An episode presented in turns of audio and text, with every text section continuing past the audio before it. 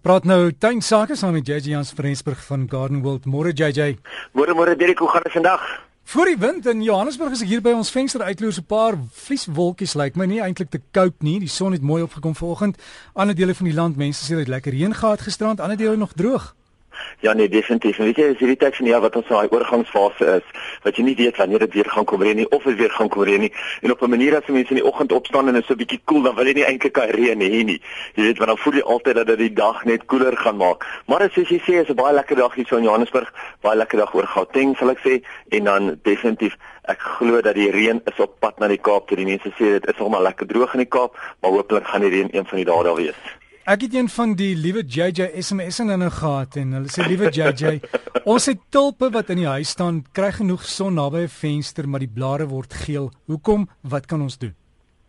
Wel, dit kan verskeie faktore wees. Ehm um, kom ons dink net 'n bietjie. Tulpe as jy hom nou gekry het, behoort jy hom uit 'n potjie uit gekry het ergens by 'n supermark. So dit kan wees dat die uh klimaatsverandering of die temperatuurverandering tussen die supermark en jou huis net soveel verskillend is want logies is daar se ligverkoeling en so aan in die supermark. Ook as hy teen die of naby 'n venster staan, die koue sal hom niks maak nie. Die koue is eintlik goed want die koue val mos maar deur die vensters. Maar as hy so baie son kry, dan kan hy weer baie maklik brand. So dan sal die blare ook geel word en ook as 'n mens moet kyk na die die die groei medium waarna hy is of dalk is hy in een van daai keramiek potjies, laat die water deur die groei medium tot in die keramiek potjie beweeg wat nie gaatjies in hom het nie en dan nie deurdreineer nie, dan sal jou plant ook in water staan. So daar's heelwat verskeie redes wat eintlik daarso die oorsaak kan wees hoekom die blare geel word.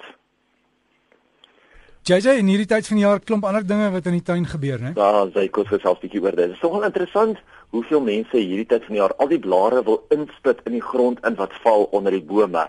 Almal wil dit nie daar los as 'n deklaagie nie. Nou onthou, mense moet eintlik nooit daai blare inspit totdat dit nie afgebreek het nie. Dis eintlik die aardvorm se werk om daai blare stelselmatig soos dit afbreek in die grond in te bring. Maar as jy blare het wat onder die bome val, los dit daar so as 'n deklaag, moet dit nie inspit nie. Onthou sodra jy dit inspit, gaan jy eintlik baie van die stikstof uit die grond uithaal want met die afbreekproses verloor mense geweldig baie stikstof in die grond. So dan gaan jou plante sommer baie maklik geel word en eil word en vaal word. So probeer eerder los daai blare net daarsel, laat die erfrums dit invat. Inteendeel moet 'n mens eintlik baie selde in jou tuin spit. Tensy 'n mens kompos of so inwerk, moet 'n mens regtig probeer om baie min in jou grond te spit. Want onthou, as jy mens kyk na jou mikrobes wat in die grond self is, dan is dit asof daai mikrobes hulle self vestig op verskillende vlakke in die grond, op verskillende dieptes in die grond. So die mikrobes is nou eintlik wat die lewe in die grond is. En as jy net die hele tyd gaan en jy spit dit gereeld om, om byvoorbeeld nou die onkruide uithaal of jy kry tuindienste in wat ook baie gereeld deurkom in jou grond omspit, is dit eintlik heeltemal verkeerd, want hulle stel die hele tyd daai mikrobes bloot aan die son en hulle kry eintlik die grond in 'n hulle hulle hulle as of hulle gee die grond 'n wanbalans. So 'n mens moet maar doodseker maak dat mens eerder probeer om net kompos in te spit en andersins moet 'n mens maar net jou blare en so aan boop los en jou mikrobes en jou aardworms ensovoorts sal opkom en dit sal die blare afbreek en dit in die verskillende dieptes invat.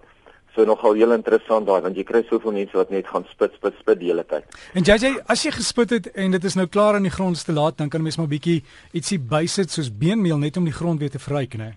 Ja, beenmeel definitief beenmeel is jou fosfate, dis jou kalsium, dit gaan maak dat jou wortels, jou plante se wortels lekker sterk groei. Maar onthou, as 'n mens byvoorbeeld net ingespit het en jy wil meer stikstof weer bysit, gebruik 'n mens ietsie wat hoog is in stikstof. Ek dink dan byvoorbeeld aan die guano sols, ek dink aan die guano flow Ek dink aan jou gewone 713 wat ook 'n baie goeie uh, stadige vrystellende of wel stadiger vrystellende kunsmis is wat mens kan bygooi want onthou jou eerste lettertjie is ons maar altyd die stikstof. So as mens iets gebruik soos byvoorbeeld 'n 713 wat lekker hoog is in stikstof, dan sal dit baie goed werk. Die ander ding wat mense ook nou kan doen is jy kan nou nog die laaste van jou grassade saai wat jy nou vir die winter oor jou grasperke wil saai. As jy 'n tweede saad oor jou grasperke wil hê om vir jou gras 'n lekker groen grasperk te gee in die wintermaande. Nou mense moet maar gaan kyk watse tipe grasperk het jy en watse tipe area wil jy saai. Is dit baie sonnig? Is dit baie skaduweeryk?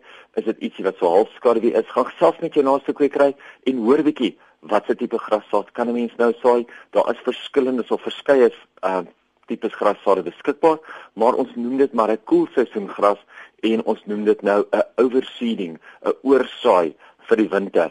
So jy gaan nie jou gras wegvat nie, jy gaan dit miskien net lekker kort sny en dan jou ekstra winter of jou koelseisoen gras behoort saai en hy gaan saam met jou gewone grasperk gaan hy baie mooi groei en jy behoort 'n pragtige groener grasperk te hê vir die wintermaande.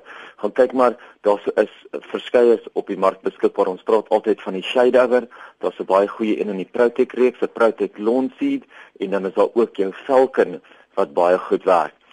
Onthou, maak net seker dat as jy dit gesaai het, gooi 'n klein bietjie grond oor baie min net om dit regtig te bedek dat die voeltjies dit nie sien nie sodat hulle dit nie kom optel nie. Voer nou jou plante om hulle sterk te maak vir die winter, want onthou as jy nie nou jou plante gaan voer nie, gaan jy probleme hê dat jou plante nie die winterkoue gaan kan hanteer nie en daarsou kan 'n mens weer 'n tipe van 'n oplosbare voedingsstof gebruik soos byvoorbeeld jou guano sol of jou guano flow. Conifero kan nou baie maklik behandel word sodat hulle nie daai winter Italiaanse uh plant lys kry wat die plante siek maak, laat hy so oral begin taai drup nie. So gaan kyk bietjie Daarso kan 'n mens nou, ek praat altyd van die Koinor en die Complete wat baie goed is, gaan loer vir Koinor of Complete, maar as jy ietsie organies wil gebruik, ietsie wat minder skadelik is vir die natuur, dan kry jy vir jou Meridian. Dit werk net so goed. Laaste enetjie vir nou is die eerste ranonkels is al klaar aan die blom. So vir die van julle wat wie se ranonkels nou begin blom, maak seker dat jy dit gereeld voer en sny dit ook gereeld terug vir die waas. Onthou, hoe meer jy ranonkels sny, hoe meer gaan hulle blom en hoe meer kleur gaan jy kry. So moenie bang wees nie. Sny hulle, gebruik hulle in die huis, maar hou aan om hulle te voer. Ek sê altyd ek verkies dit om eerder 'n tipe van 'n plantvoedingsstof te gebruik, iets wat mens met water kan meng en oor die plante uitgooi dat die plante dit kan absorbeer. Gaan loer daarna. So gesels ons met JJ Jansen van Rensburg van Gardenwold. Hulle het 'n webtuiste gardenwold.co.za ook daar skakels na Facebook.